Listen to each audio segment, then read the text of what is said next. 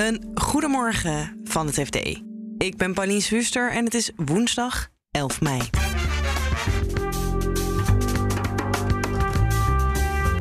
Vastgoedverhuurders zetten Russische bedrijven op straat vanwege de sancties. En zoals bij alle sancties is het ook op het gebied van vastgoed heel ingewikkeld. Iedereen zegt: Ik heb er moeite mee, of ik heb het overzicht niet, ik weet ook niet precies waar ik moet zijn. Een ratje toe. En Philips moest zich gisteren verantwoorden tegenover boze beleggers tijdens hun aandeelhoudersvergadering. Dit is de dagkoers van het FD. Grotendeels een hele saaie bijeenkomst, maar het venijn zat in de staart op het moment dat de stembusuitslag kwam. Dit is uh, een adviserende stem over het bezoldigingsverslag. En ik zie dat hier een groot aantal stemmen tegen is bijna 80 procent. Bleek dat 79, beetje uh, procent van de aandeelhouders tegen de bonus stemde voor, uh, voor Van Houten. Een bonus van 1,8 miljoen.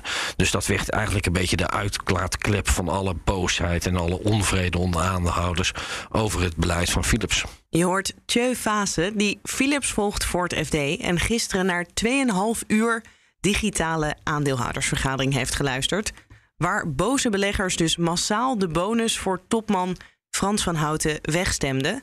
En om te begrijpen waarom de aandeelhouders nou zo boos zijn, moeten we even beginnen bij de slaapapneu-affaire die Philips plaagt. Een, een, affaire waarbij blijkt dat de apparaten tegen slaapapneu niet voldoen. Die veroorzaken mogelijk gezondheidsschade bij patiënten die ze gebruiken met, met een stoornis waarbij ze s'nachts heel slecht slapen. En dat, dat het gaat via een masker op hun gezicht. En die patiënten kunnen dus mogelijk schadelijke delen of schadelijke stoffen inademen. Ja. En Philips heeft 5 miljoen apparaten moeten terugroepen. En dat aantal van 5 miljoen, dat is eigenlijk ongekend. Dat is gewoon een enorm aantal. En Philips loopt ook het risico dat patiënten die gedupeerd zijn, die werkelijk uh, ziek geworden zijn van die apparaten, dat die zware schadeclaims gaan indienen.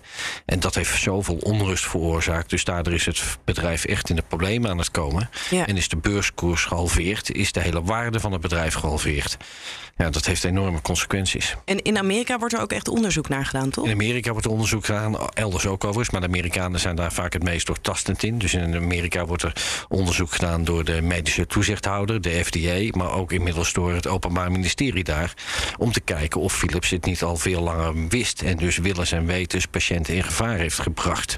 En dan hebben we het echt over strafrechtelijk onderzoek. Wij als krant hebben natuurlijk al gebracht dat stemadviesbureaus uh, adviseerden om tegen te stemmen. Had je verwacht zoveel, 79? Nou, we zagen aankomen dat dat, dat voorstel uh, verworpen ging worden. Hè. Mm -hmm. Dat, dat uh, maar 80 procent, dat had ik eerlijk gezegd niet zien aankomen. Want heel veel uh, aandeelhouders zijn toch wel erg loyaal naar een bedrijf. Dus voordat ze echt op dit punt tegenstemmen, uh, denken ze drie keer na. 80 procent is uitzonderlijk hoog. Dus maar navraag die ik heb gedaan, is dat de afgelopen jaren bij geen enkel Nederlands beursgenoteerd bedrijf voorgekomen. Zo'n hoog percentage. Dus dat zegt echt wel wat over hoe, hoe groot onvrede is. En hebben ze nog tijdens de aandeelhoudersvergadering de, de de top, de commissaris uh, Frans van Houten zelf, uh, geprobeerd om dit nog tegen te gaan? Om nog een beetje goede sier, sier te maken? Nou, dat viel eigenlijk een beetje tegen. Philips houdt vast aan zijn lezing. De lezing is grotendeels dat die slaapapneu-affaire maar een deel van de werkelijkheid is en dat er heel veel goed gaat. En dat de mensen die dingen uh, wat, wat, wat, goed hebben gepresteerd een bonus verdienen. En Van Houten heeft ook van allerlei dingen goed gedaan. Dat is een beetje de redenatie van Philips.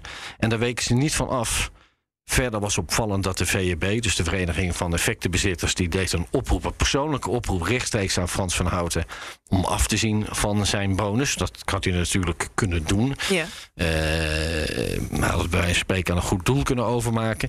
Uh, maar dat weigerde hij. Hij, uh, hij eigenlijk in één bijzin legde hij dat verzoek naast zich neer. En kan jij dat verklaren waarom hij dat naast zich neerlegt? Ja, dat kan, ja, ik ben geen psycholoog. Ik, ik kan het moeilijk. Uh, duidelijk is in ieder geval dat, dat Philips zeer volhardend is, inclusief van Houten zelf, in hun kijk op de werkelijkheid. He, dus ja. daar, daar, daar, daar houden ze aan vast, ondanks die 80%. En ze zagen natuurlijk ook wel aankomen, denk ik, afgelopen dagen en afgelopen weken, dat ze, dat ze deze stem gingen verliezen. Dat doet overigens ook weer niet zo heel veel pijn, want uh, dit is nou net een adviserende stem op de agenda. Dus ehm, de Raad van Commissarissen kan ook deze stem naast zich neerleggen. Ze hoeven eigenlijk ze alleen te verplichten om volgend jaar extra goed te gaan kijken naar het beloning en het beloningsverslag. Ja, maar gaat het dan wel impact hebben dat zoveel aandeelhouders zo ontevreden zijn? Nou ja, het gaat of leiden tot een, moet gaan leiden tot een herstel. Want Philips rekent er eigenlijk op. Dat blijkt steeds weer dat uiteindelijk die gezondheidsschade voor patiënten. dat dat heel erg meevalt. Dat er niet zo heel veel aan de hand is. En als de Amerikaanse toezichthouders en andere toezichthouders dat erkennen. dan blijkt het eigenlijk een storm in een glas water. En dan zou Philips zich heel snel moeten herstellen. Alleen tot nu toe zien we dat niet. Integendeel, we zien dat de affaire juist steeds groter wordt en steeds ernstiger. Ehm, dat moet dan gaan blijken of, uh, of een beetje de optimistische kijk van Philips... of die gerechtvaardigd is. Deze aandeelhoudersvergadering die was digitaal. Uh, dus mensen konden er niet fysiek bij dat zijn. Was, dat was natuurlijk ontzettend jammer. Voor, zeker voor verslaggevers, maar ik denk ook voor, uh, voor aandeelhouders. Het, het, was gewoon een beetje saai. Hè? Want het, je zat gewoon naar het scherm te kijken. Alle emotie was eruit gesneden. Uh, we zagen geen aandeelhouders zich verdringen achter microfoons. We hoorden geen aandeelhouders zuchten en klagen op het moment dat bestuurders iets zeiden waar ze het niet mee eens waren. Dus dat, dat was allemaal verdwenen. Denk je eigenlijk dat het strategie was? Dat het een digitale aandeelhoudersvergadering was, omdat ze wisten dat er zoveel onvrede was? Nou, er stond een commentaar in het FD waarin stond: de bedrijven laden de verdenking op zich dat het strategie was. ja, je weet er natuurlijk niet of het strategie was, dat, dat, dat weet je natuurlijk niet.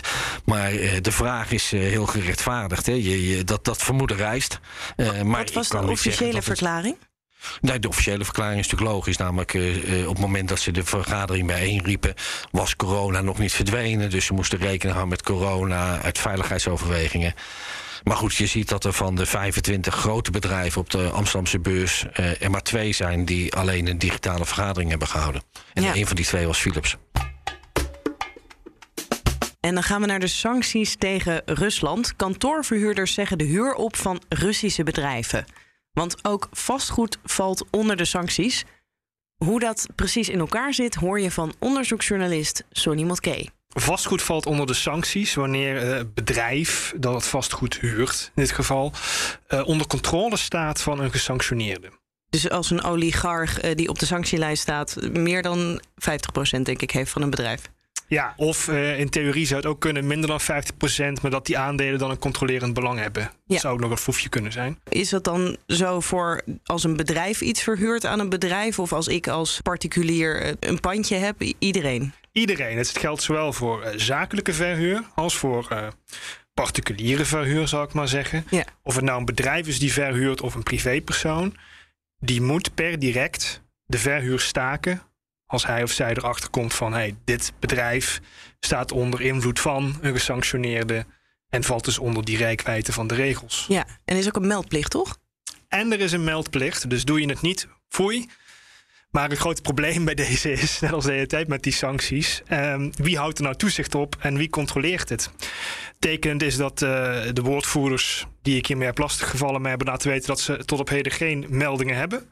En laat staan een overzicht van hoeveel er uh, verhuurd is aan partijen die gelieerd zijn aan gesanctioneerden. Maar er zijn dus wel daadwerkelijk kantoorverhuurders die opzeggen. Juist, daar zijn we dus achter gekomen. Dus een, ik heb een heel uh, onderzoek gedaan naar hoeveel vennootschappen zijn er die gelieerd zijn aan oligarchen. Waar zijn die ingeschreven en wie zijn de eigenaren? Dan kom je ja. tot een lijst van 10 of 11 bedrijven die daadwerkelijk zijn ingeschreven op een adres van een pandeigenaar of in ieder geval bij een verhuurdende partij. Heel vaak is dat een Regis of een ander flexkantoor. Ja. En die partijen moeten conform de regels per direct opzeggen. Dat hebben ze nu dus ook deels gedaan. Ja, dus uh, de twee grootste partijen die uh, verhuren aan, uh, laten we zeggen, Russische bedrijven, die hebben contracten echt beëindigd. Het gaat om IWG, het moederbedrijf van flexverhuurders zoals Regis en Spaces. En om CBRE, dat is een bekende vastgoedpartij, die ook panden bezit, waaronder uh, het WTC-complex ja. in de Zuidas. Omdat het op de sanctielijst zit, per direct kunnen ze opzeggen en uh, die zien we niet meer terug, die Russische bedrijven. Nou, zo makkelijk is het dus waarschijnlijk niet. Je moet het ten eerste heel goed onderbouwen om zeker te weten van, nou, dit valt wel of niet onder de rijkwijde. Ja. En voordeel is wel dat zie je vaker, hè, ook bij financiële instellingen. Ehm, in dit geval geldt bij, bij twijfel niet oversteken. Dat, dat wordt ook hier al aangemoedigd conform de sanctiewet. Want stel, je zegt contract op bij iemand en het blijkt achteraf dat hij toch niet eronder valt. Ja. Uh, is de kans, het risico lager om alsnog aansprakelijk gesteld te worden, omdat dat in die sanctiewet zit ingebakken.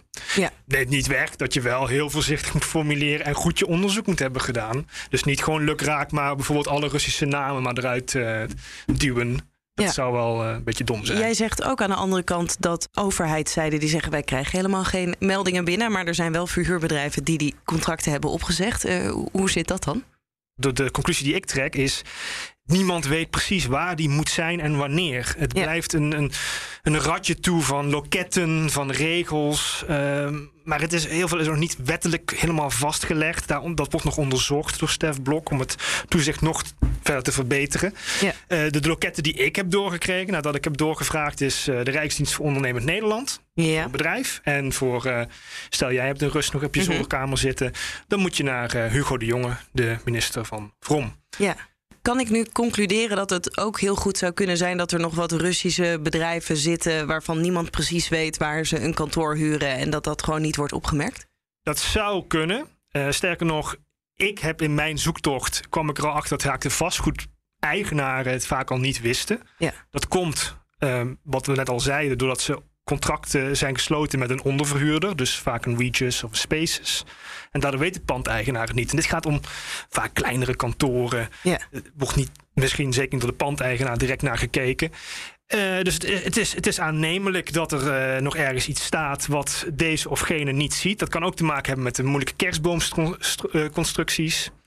Welk bedrijf uh, is nou wel of niet vallende onder de sancties of onder de invloed van een oligarch? Het overzicht is, is nooit compleet. Wat ik wel heb vernomen is dat de hoeveelheid vastgoed echt wel laag is. Wat in handen van Russen is of wat Russen dus huren. En ja. ik kom zelf tot 10, 11 bedrijven. Dat lijkt een redelijke afspiegeling te zijn van waar het hier om gaat. Uh, we zijn toch meer een land van fiscale redenen. En wat het vaakst voorkomt, uh, is dat een bedrijf is geregistreerd op het adres van een trustkantoor. Ja. En in dat dan geval. zitten ze er niet fysiek. Nee, dan zitten ze niet fysiek en dat valt niet onder die sanctiewet.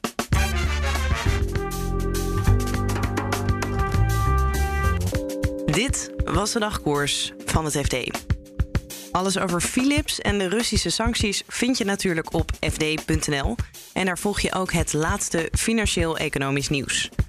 Dagkoers vind je in je favoriete podcast-app. Vergeet je daar niet te abonneren op ons, dan staan we morgenochtend automatisch weer voor je klaar. Voor nu een hele fijne dag en tot morgen.